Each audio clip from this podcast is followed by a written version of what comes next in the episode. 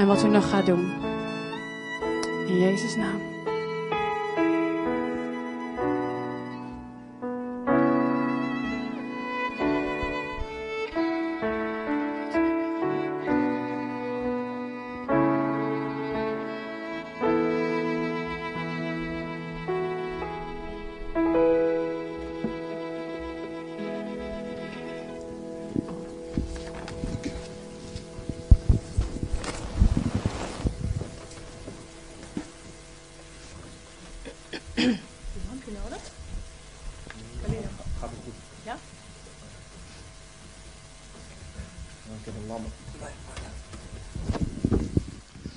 Dank jullie wel.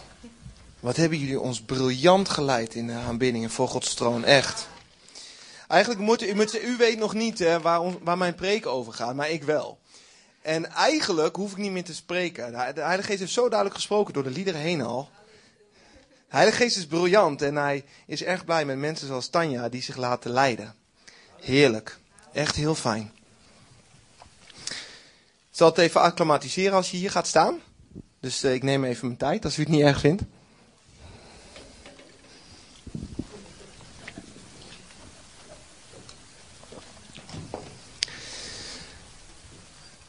Deze boodschap is eigenlijk, die ik vandaag ga spreken, is eigenlijk een beetje tot stand gekomen. Gewoon door de worsteling in mijn leven. Um, op een gegeven moment merk je dat je, of merk ik, dat ik op sommige momenten zo ontzettend door omstandigheden in beslag genomen word dat je leeft hier en nu. En je bent druk en je bent bezig met allerlei dingen. En je bent aan het zoeken naar God, oprecht. En je bent aan het worstelen en aan het knokken soms. En soms gaat het gewoon mis. Soms struikel je gewoon. Of soms gaat iets niet zoals je gedacht had. En soms op het moment dat die omstandigheden steeds sterker en groter worden, dan worden ze nog de baas ook. Want je krijgt zorgen en die zorgen neem je op een gegeven moment helemaal in beslag. En ik merkte dat zelfs mijn gebedsleven in beslag genomen werd, omdat ik op een gegeven moment God nodig had om mijn zorgen op te lossen. Herkent iemand dat? Dan is je op een gegeven moment je gebed alleen maar gericht. Heer, wees hierbij, hier, wees hierbij, hier, wees. En de Heer wil erbij zijn hoor. Ik bedoel, ik bagatelliseer het echt niet. Maar als dat op een gegeven moment het enige is, dan is het hoog tijd voor een hemels perspectief op ons leven hier. En zo ben ik gekomen om uh, daar wat over uit te zoeken. Want we hebben nodig te begrijpen waar we voor gemaakt zijn door God. Als we alleen maar hier en nu leven en alleen maar alles bekijken wat hier en nu is, dan missen we wat God heeft bedacht voor ons leven. En dat merkte ik heel duidelijk, want je loopt gewoon vast. Je loopt vast. En je, en je hangt alles vast aan successen op dit moment. God is met mij als ik dit tot een goed einde breng. Of als dit opgelost wordt. Of als dat voor elkaar komt. Heer, uw kracht hier en nu. En wij mogen dat vragen. En God wil dat we dat vragen. Maar als dat het enige is wat onze focus is. Dan zijn we het perspectief van de hemel verloren. Dan, dan hebben we niet meer het plaatje wat God voor ons heeft. En daar wil ik vanochtend met u naar kijken. Want we hebben nodig om een brede blik te hebben. Zodat we een beetje kunnen begrijpen wat we nu meemaken soms. En zodat we een beetje het een plekje kunnen geven soms. Ik zal heel veel teksten aanhalen. Um, voor degene die aantekeningen maakt en alles achteraf wil hebben. Het is altijd goed om aantekeningen te maken, dat houdt je actief. Maar ik heb ook alles op papier voor je. Dus mocht je met allerlei verwijzingen en toestanden. Dus dat, voor de echte studiemensen onder ons, vraag gerust, dan mail ik het je toe. En zeg niet achteraf van je hebt dat niet gezegd, want dat gebeurt wel eens. dat ik dingen niet zeg die wel op papier staan. Ik wil beginnen met Filippenzen 3, vers 20. En daar zegt de schrijver: Ons burgerschap is echter in de hemelen, waaruit wij ook de zaligmaker verwachten, namelijk de Heer Jezus Christus, die ons vernederd lichaam veranderen zal zodat het gelijkvormig wordt aan zijn heerlijk lichaam. Overeenkomstig de werking waardoor hij ook alle dingen aan zichzelf kan onderwerpen. Jezus zegt dus dat je burgerschap uit de hemel is. Dat is al een heerlijk vertrekpunt. Want dat betekent dat ons burgerschap dus niet van hier is, maar vanuit de hemelen. En hij erkent dat wij een vernederd lichaam hebben. En hij belooft dat wij een verheerlijk lichaam krijgen. Weet je, dat is heerlijk, hè? Vooral als je merkt dat je lichaam aftakelt of minder wordt of pijntjes heeft of noem het maar. Jezus belooft ons dit. En als we verder willen nadenken over het hemels perspectief over ons leven, moeten we kijken naar waar het begon. En dan moeten we snappen Gods originele plan, wat Hij had met ons. Hoe wij gemaakt zijn. En als je kijkt naar de relatie die God had met de mens toen de mens net gemaakt was, dan zie je dat God wandelt in de hof met de mens. God wandelt met ze in een paradijs wat God prachtig voor ze gemaakt heeft. Bloemen, planten, lekker eten. En er is een volkomen ontspannen relatie tussen de mens en God. Ze wandelen zij aan zij met elkaar. En Adam verzint namen en God zegt, goh, mooie naam. Er is een volkomen ontspannenheid. En Adam die kijkt God aan en die ziet zichzelf weerspiegeld. Want God zei, naar mijn beeld maak ik je. En God ziet zichzelf weerspiegeld in, in zijn creatie, in zijn schepping. En je kunt je voorstellen dat Adam echt geen onzekerheid kende. Want Adam keek in de ogen van zijn schepper. En zijn schepper, die blik, die ademt uit. hey, het is goed. Het is zelfs zeer goed wat ik gemaakt heb. Dat is wat God zegt. Zo is de relatie die God had met Adam. En ze wandelen samen. En er is harmonie. Het is goed om dat te lezen. Genesis 1, vers 27. En God zei: Laten wij mensen maken naar ons beeld, naar onze gelijkenis. En daar is de oorsprong al. We lijken op God, want God bedacht om het zoals Hij is te maken. En laten zij heersen over de vissen van de zee, over de vogels in de lucht, over het vee, over heel de aarde en over al de kruipende dieren die over de aarde kruipen. En God schiep de mens naar zijn beeld, naar het beeld van God schiep hij hen. Mannelijk en vrouwelijk schiep hij hen. En God zegende hen. En vers 31. En God zag dat al wat hij gemaakt had, en zie, het was zeer goed. Dit is het vertrekpunt. Dit moeten wij heel goed weten. Dat dit is wat God bedacht had. Er staat in dit stuk drie, vier keer dat God zegt: Ik maak het naar mijn beeld. En ik zie hoe het is. Ik zie hoe jij bent als mens. En ik zie dat het zeer goed was. De maker bevestigt zijn creatie. Je bent zeer goed en je lijkt op me. Dat is ons vertrekpunt. Dat is wat God wilde.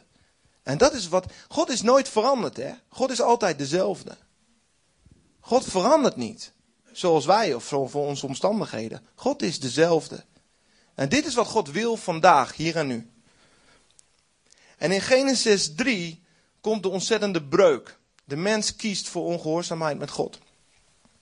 En gaat zijn eigen weg. Is een verschrikkelijk moment. Je kunt je voorstellen als God dit helemaal bedacht heeft. Na zijn beeld. En de mens kiest tegen hem en daar komt die breuk. En er is, ontstaat verwijdering. De mens wordt ongehoorzaam. En de mens die bekleed was met de heerlijkheid van God. Omdat ze God telkens aankeken en met hem waren. Die heerlijkheid is de mens kwijt op dat moment. En waar Adam normaal wandelde met God in de hof. En het heerlijk vond om gewoon samen te zijn, zie je dat het nu in één keer heel anders is. God komt de hof binnen en in plaats van dat Adams hart opspringt, hé, hey, daar is die weer, we lopen samen. Krijgt Adam een hele andere reactie. En God roept hem, Adam, waar ben je? Zoals Gods roepstem nog steeds vandaag roept, waar ben je? En in Genesis 3, vers 10 Adam, antwoordt hier en zei: Ik hoorde uw stem in de hof. En in plaats van dat zijn hart opsprong, zegt hij: Ik werd bevreesd. Want ik ben naakt en daarom verborg ik mij. Zie je wat een verschil dat is? Waar God normaal gewoon wandelt met de mens en overlegt. En zijn liefde um, laat zien aan de mensen en zegt: hey, het is zeer goed. Daar reageert Adam nu in één keer anders. Adam gaat, die heeft angst. Adam verbergt zich. Want ik ben naakt en daarom verborg ik mij. En hij zei, God, wie heeft u verteld dat u naakt bent? Hebt u van de boom gegeten, waarvan ik u geboden had niet te eten?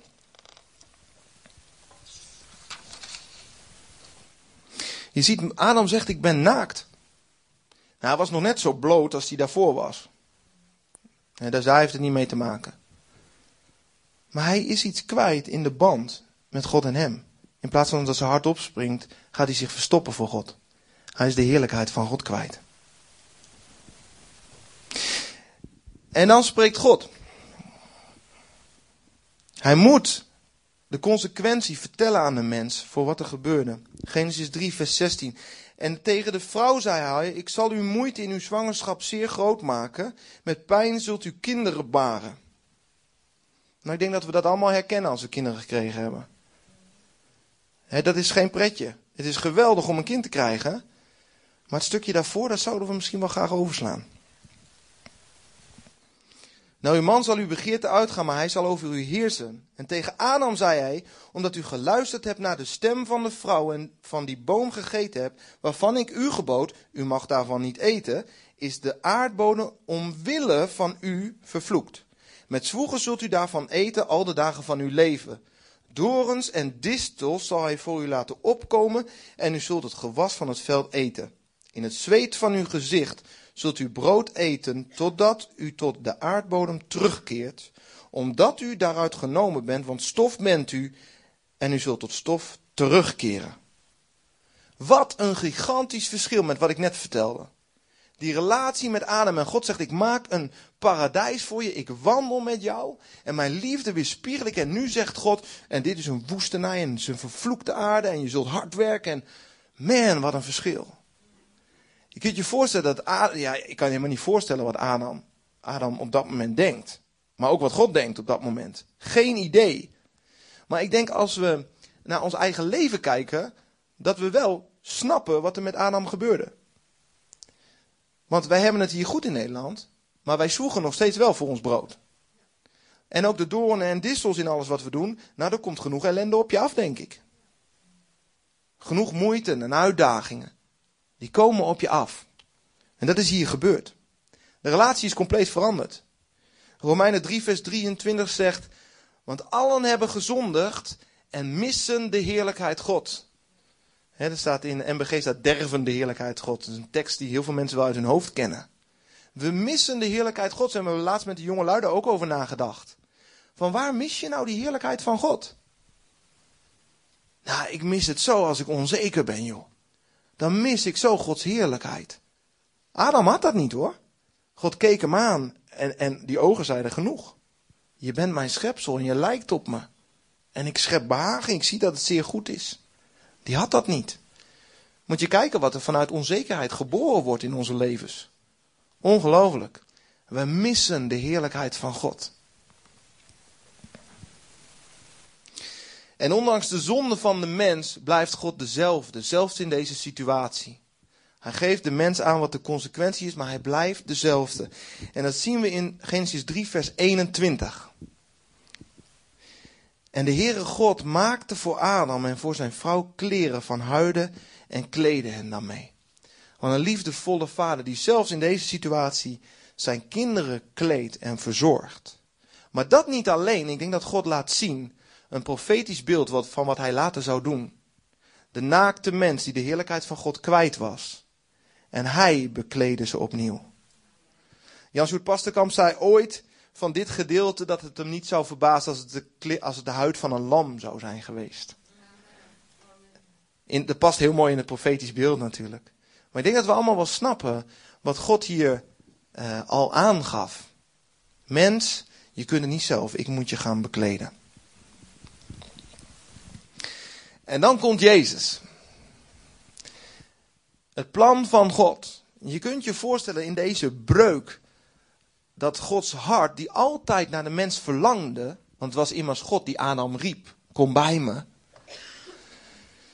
Dat God dit helsplan bedacht, omdat hij de mens dicht bij zich wilde hebben. En Jezus kwam en Jezus leefde het leven om te laten zien: Ik ben waardig om een offer te zijn. Ik ben gehoorzaam. Ik word getest. Jezus leefde het leven waarin hij alle dingen die wij meemaken, verdrukking, nood, belediging, moeite, verzoeking, die dingen die maakte hij allemaal mee en hij passeerde ze, hij ging er doorheen. En Jezus is uiteindelijk waardig, omdat hij daar doorheen is gekomen, zonder dat hij gezondigd heeft, om de straf voor ons van ons te dragen.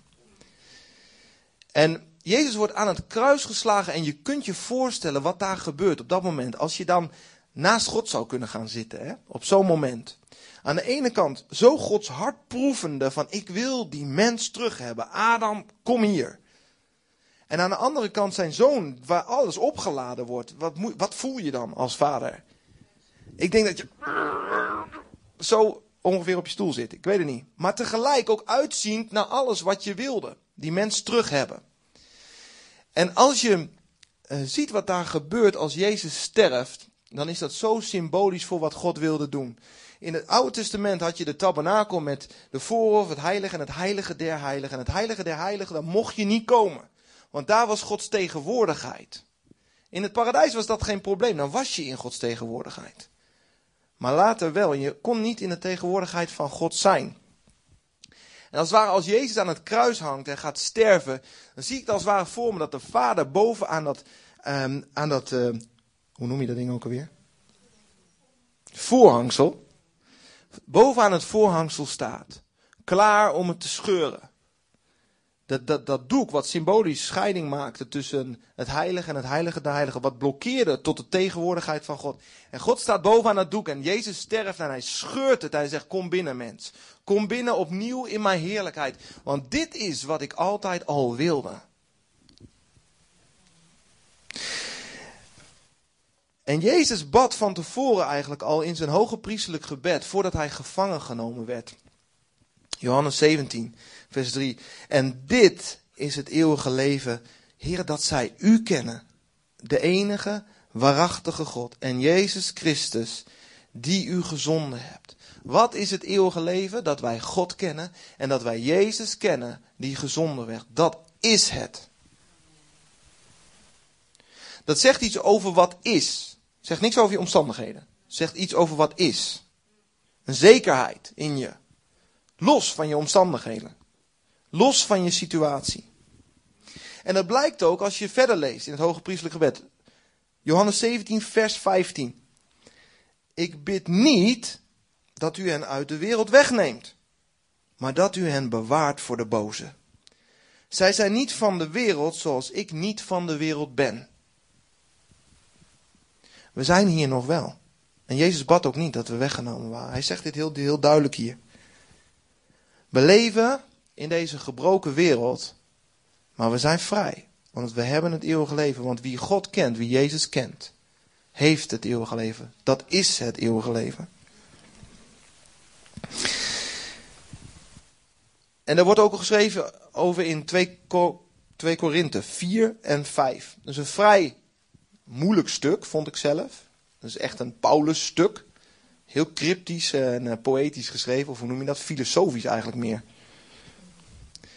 Maar het laat zo zien, hè, even voor de achtergrond. Paulus is natuurlijk een man die um, heel ijverig was om God niet te dienen.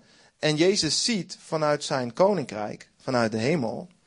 En tot bekering komt en vervolgens hem gaat dienen met alles wat in hem is.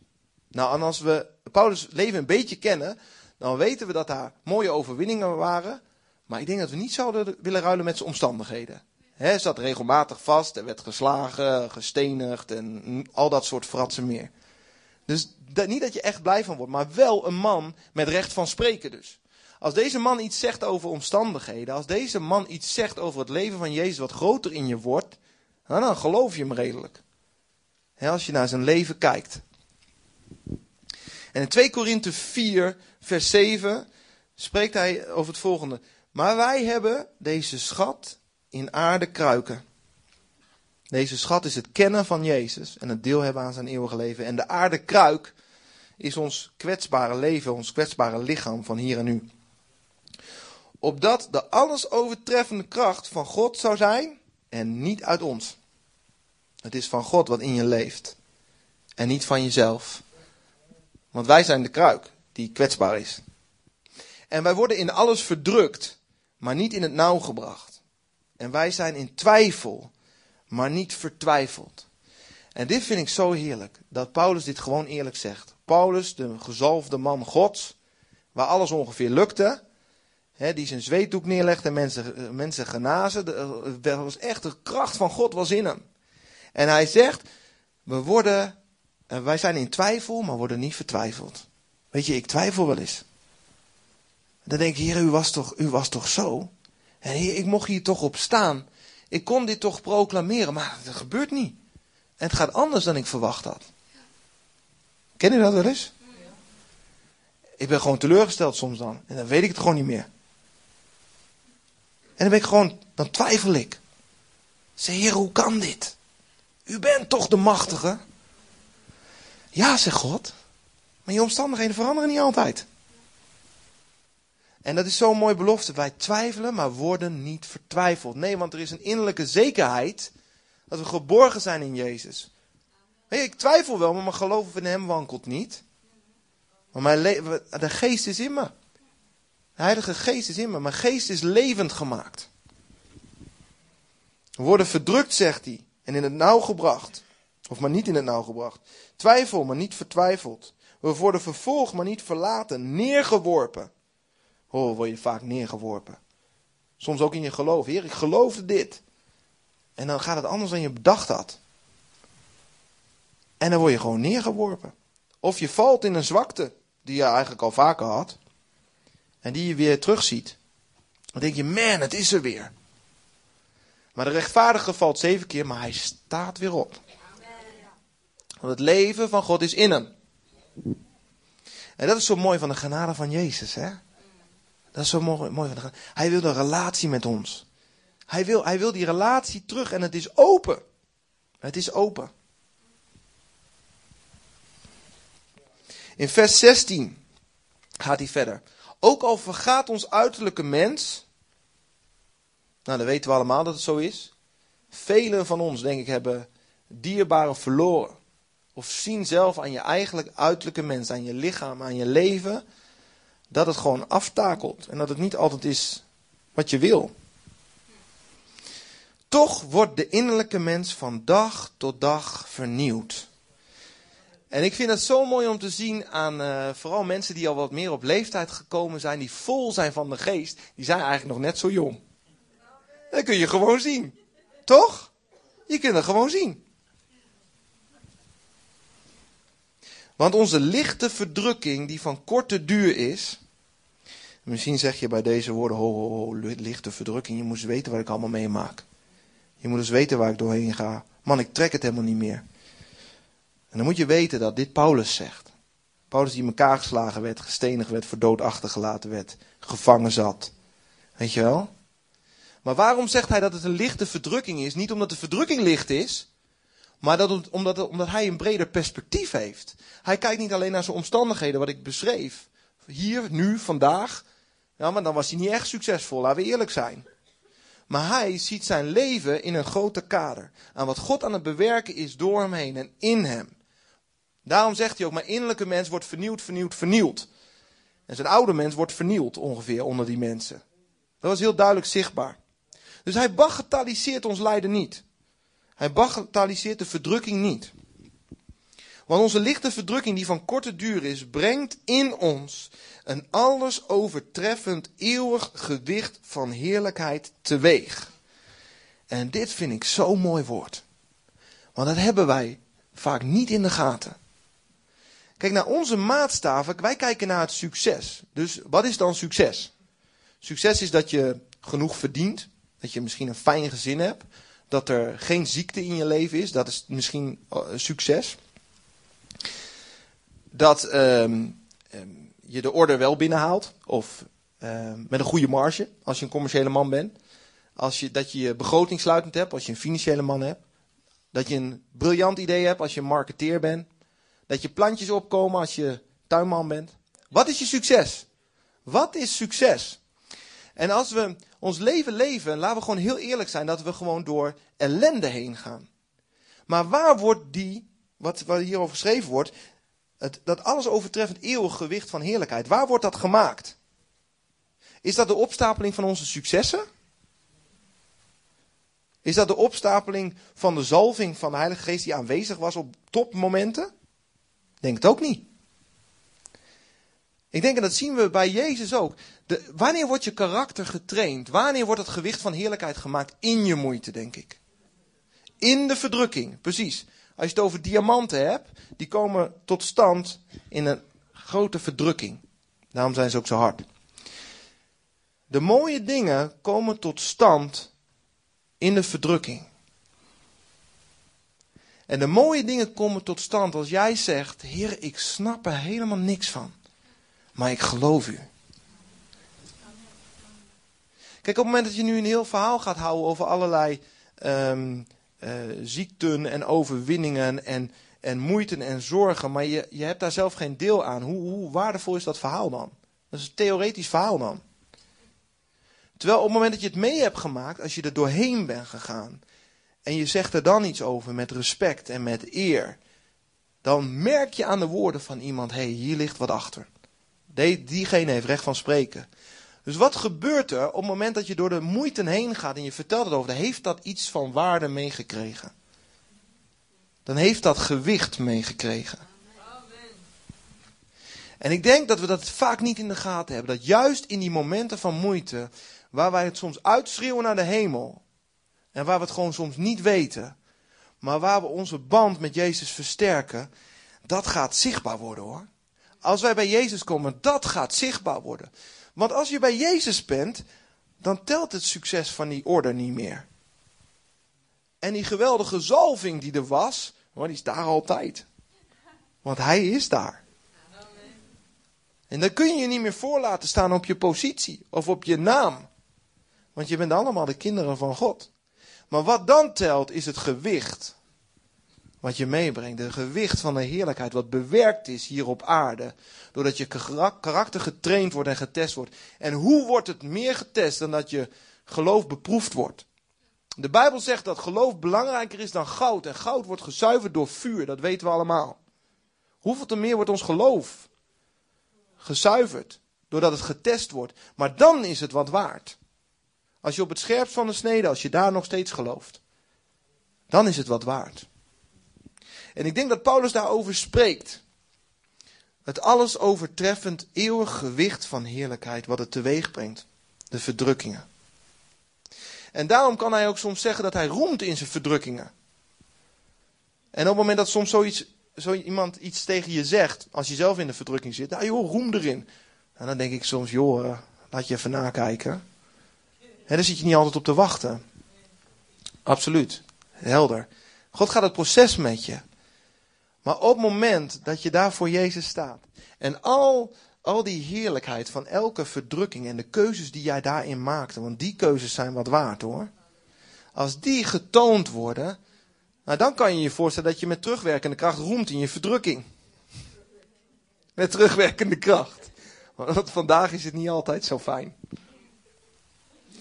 Vers 18. We houden onze ogen immers niet gericht op de dingen die men ziet, maar op de dingen die men niet ziet.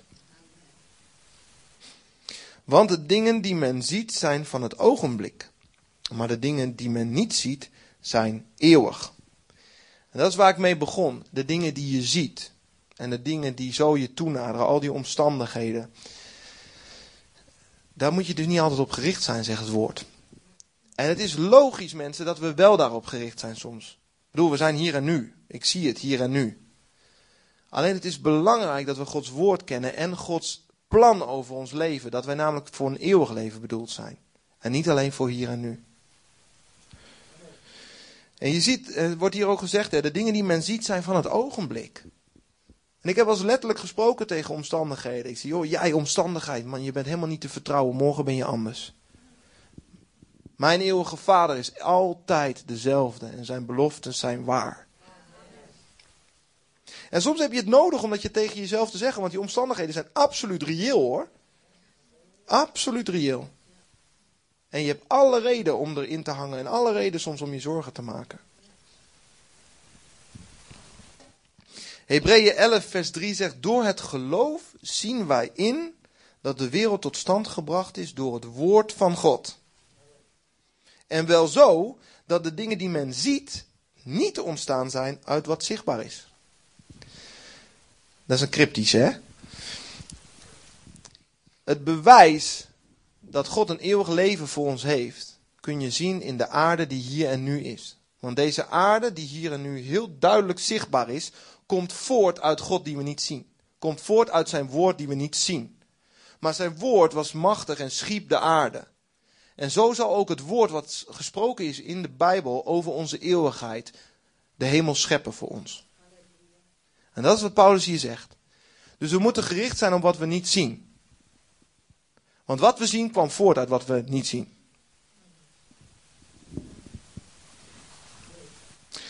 2 Korinthe 5. Wij weten immers dat wanneer ons aardse huis, deze tent, en dat is je lichaam, afgebroken wordt, wij een gebouw van God hebben. Een huis niet met handen gemaakt, maar eeuwig in de hemelen. Dat staat vast. Want in deze tent zuchten wij ook en verlangen wij er vurig naar met onze woning die uit de hemel is overkleed te worden. Wat een bevestiging, wat een erkenning voor de dingen die we hier doorheen gaan. we zuchten gewoon in dit huis. Dat is, dat is helder. Als wij maar bekleed en niet naakt zullen bevonden worden. Dat is wat Paulus uitspreekt, de wens. Als we maar niet naakt bevonden worden. En even teruggrijpen naar Genesis 3. We, weten, we zien precies wat er gebeurt als we naakt bevonden worden. Hè? Eerst die, die relatie die Adam heeft met God. En daarna wordt hij naakt bevonden. Of hij ziet zelf dat hij naakt is in het licht van God. En hij gaat weg. Hij heeft angst. Hij verstopt zich. Hij verbergt zich. En dat zal ook zo zijn met als wij bij Jezus komen. We zijn niet bekleed. Dan zullen we dezelfde neiging hebben. Gelukkig is Jezus daar. En zijn bloed wat ons bedekt. En wij bekleed zijn met zijn gerechtigheid, zodat wij binnen mogen komen. Zo worden we niet naakt bevonden. Want ook wij die in deze tent zijn, zuchten omdat we het zwaar te verduren hebben. We willen immers niet ontkleed, maar overkleed worden, zodat het sterfelijke door het leven wordt verslonden. Want dat is ook iets wat gebeurde in Genesis 3 na de schepping of na de zondeval. Um, men werd sterfelijk. Tot stof zou je wederkeren. En Paulus kijkt al vooruit. Dat sterfelijke wordt verslonden door het leven wat God heeft gegeven. Hij nu die ons hiervoor heeft toegerust, is God. Die ons ook het onderpand van de geest gegeven heeft. En in Efeze 1, vers 13 wordt daarover over gezegd: In hem bent ook u, nadat u het woord van de waarheid, namelijk het evangelie van uw zaligheid, gehoord hebt, in hem bent u ook, toen u tot geloof kwam, verzegeld met de Heilige Geest van de belofte, die het onderpand is van onze erfenis, de verlossing die ons ten deel voelt tot lof van zijn heerlijkheid. Oké, wat staat hier nu? Dat de Heilige Geest een onderpand is van onze erfenis. En we weten allemaal dat het onderpand is niet het. Het is het onderpand. De erfenis is groter, is waar we naar verlangen. En wij hebben de Heilige Geest ontvangen in dit leven, maar niet de erfenis nog. Wij hebben dus altijd goede moed en weten ook dat wij, zolang we in het lichaam inwonen, uitwonend zijn van de Here. Paulus zegt als het ware, ik ben op kamers in de, op de aarde. Mijn thuis is eigenlijk uh, in de hemel. Een burger van de hemel. Wij zijn uitwonend van de Heer, inwonend in het lichaam. Dat verklaart onze status, wat we zijn op dit moment.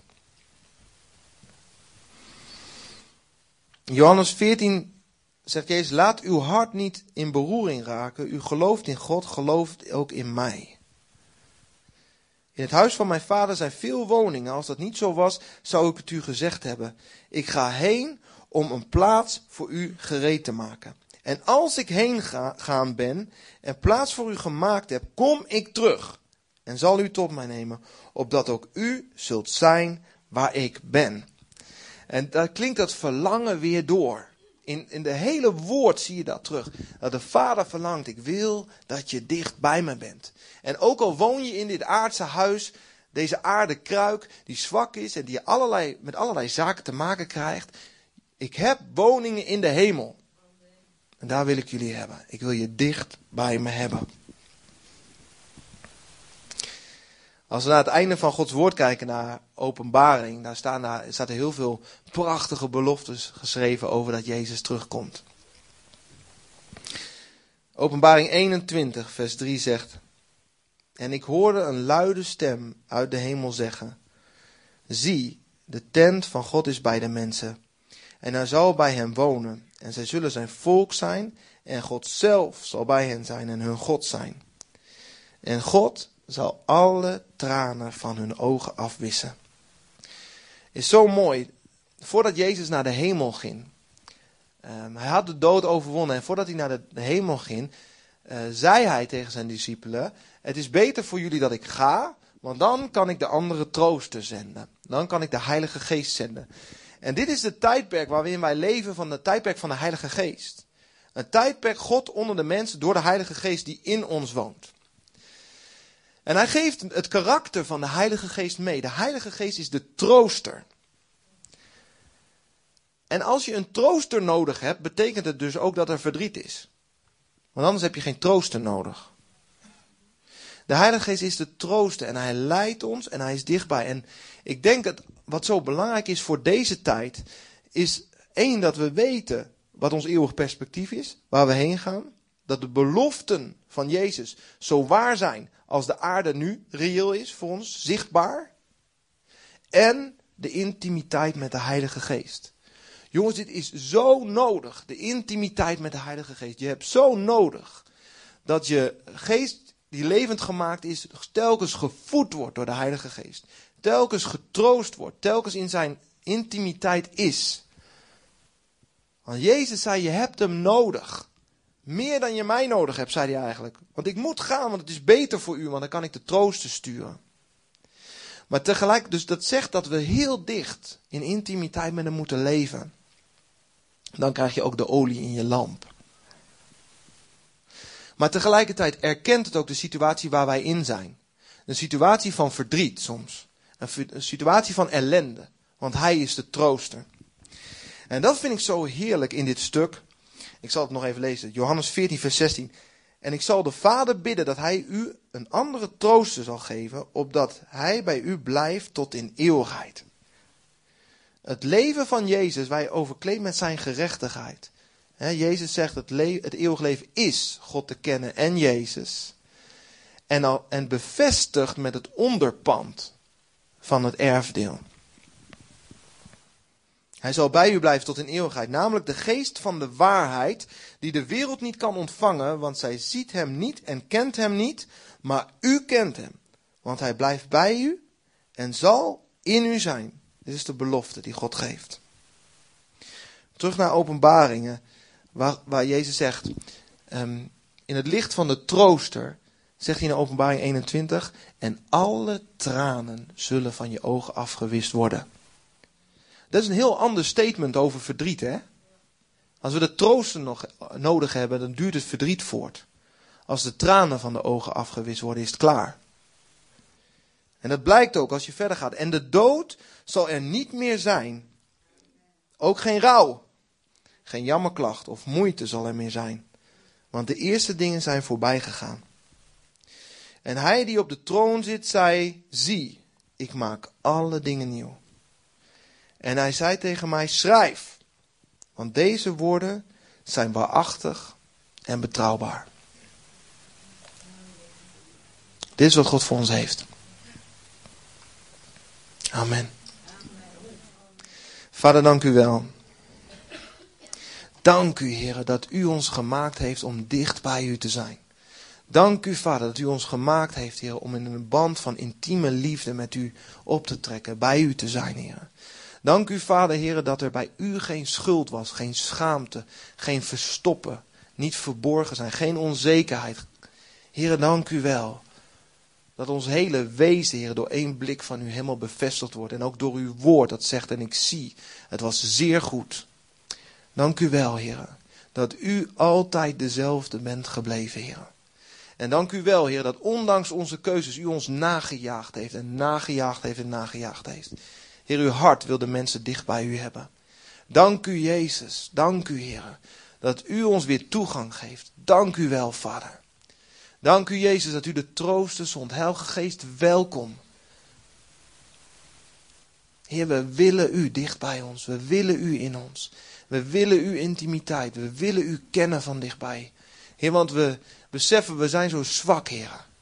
En we wankelen zo vaak. Heer, en, en soms zijn we gewoon moe en verdrietig, Heer. Heilige Geest, wilt u komen als de trooster, Heer. Dank u wel dat u dat doet. Want Jezus beloofde het. Dank u wel, Jezus, dat uw woorden waar zijn. En dat uw woorden scheppen. En dat ze zeker uitkomen, Heer. Heilige Geest, maak ons vol van u, Heer. Maak ons vol van u, Heer. Troost ons, Heer. Op elke plek, Vader. En ik bid voor een ieder hier, Heer, die zich zo herkend heeft, Heer, in deze dingen. Die zo zegt, ja, ik mis de heerlijkheid. Die zo zegt, ja, ik, ik heb pijn. Ik weet het niet. Ik ben vertwijfeld. Heilige Geest, wilt u daar komen. Met uw troost, Heer. Met uw troostvolle nabijheid, Heer. Wilt u daar komen, Heer? En wilt u de dingen weer op u richten, Heer? Zodat dat gewicht van heerlijkheid toeneemt in ons leven. Laat het zo zijn, Vader. Open onze blik, Heer, naar de eeuwigheid. Open onze blik voor wat u altijd al wilde, Heer. De mens dicht bij u hebben, Vader. Heer, stel ons voor ogen opnieuw, Heer, wat u voor ons heeft, Heer. Zodat het niet langer verborgen is, Vader, maar laat ons geloof groeien daarin, Heer. Jezus, wij verwachten u, Heer. We zien uit naar uw komst. Heer, we willen, Heer, dicht bij u zijn. Heer, we hunkeren naar het moment, Heer, dat al die tranen van onze ogen afgewist worden, Heer. Al die momenten van twijfel over zijn, Heer. Al die momenten van zwakte. En dat we zullen zijn in uw nabijheid. Wees zo met ons, Jezus. Dank u voor wie u bent. Amen.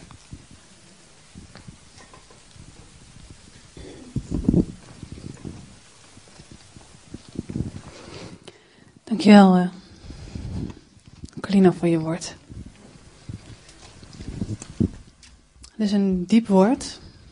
En ik wil eigenlijk, terwijl we niet gaan zingen, vragen aan jullie: wil je dit bespreken met je eigen vader, met je hemelse vader? Zodat we er zorgen van, dat je zeker bent dat als je zo meteen de zaal verlaat, als we afsluiten, dat dit woord geland is in je hart. Dat je dit met hem, dat je eigen, de woorden van je hart gedeeld hebt met hem hierover.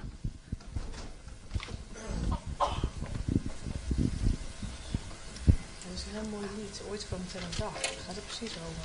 Oké. ik weet niet. Ja? Kennen we die? Ja, 665. Zoek